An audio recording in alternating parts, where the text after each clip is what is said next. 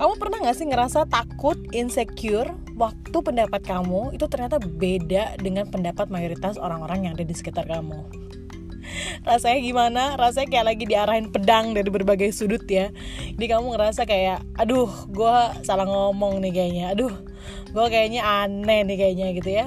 Nah situasi kayak begini itu pasti rata-rata orang dari kita itu pernah ngalaminnya gak sih?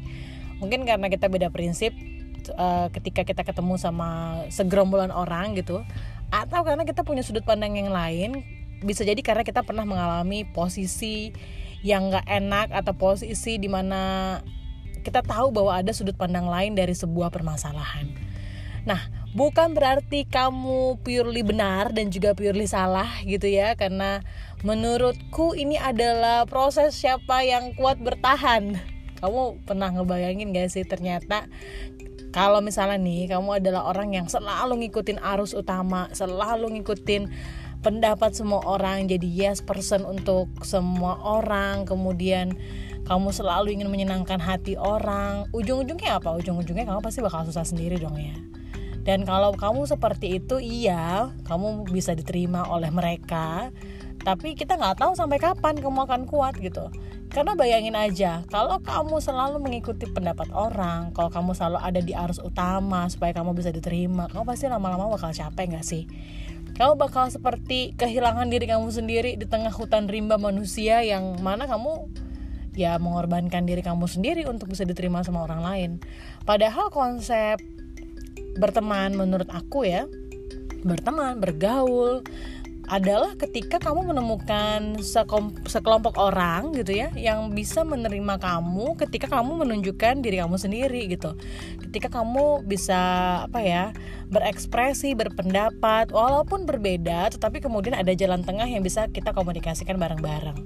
Nah sayangnya di zaman kayak sekarang kita sering banget dengerin orang yang nggak berani mengucapkan kata tidak, yang nggak berani untuk kontra pada pendapat utama gitu ya, karena mereka takut untuk dijauhi, untuk diasingkan, untuk nggak dianggap, untuk nggak diajak berteman gitu ya.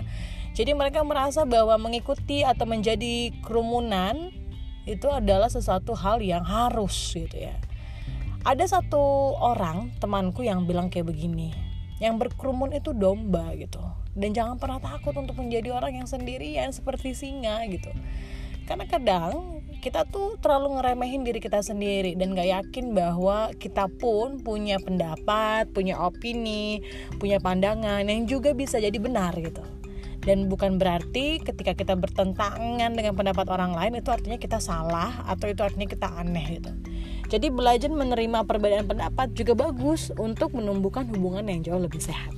Nah, kira-kira hari ini kamu ketika dengerin podcast ini, kenapa tuh?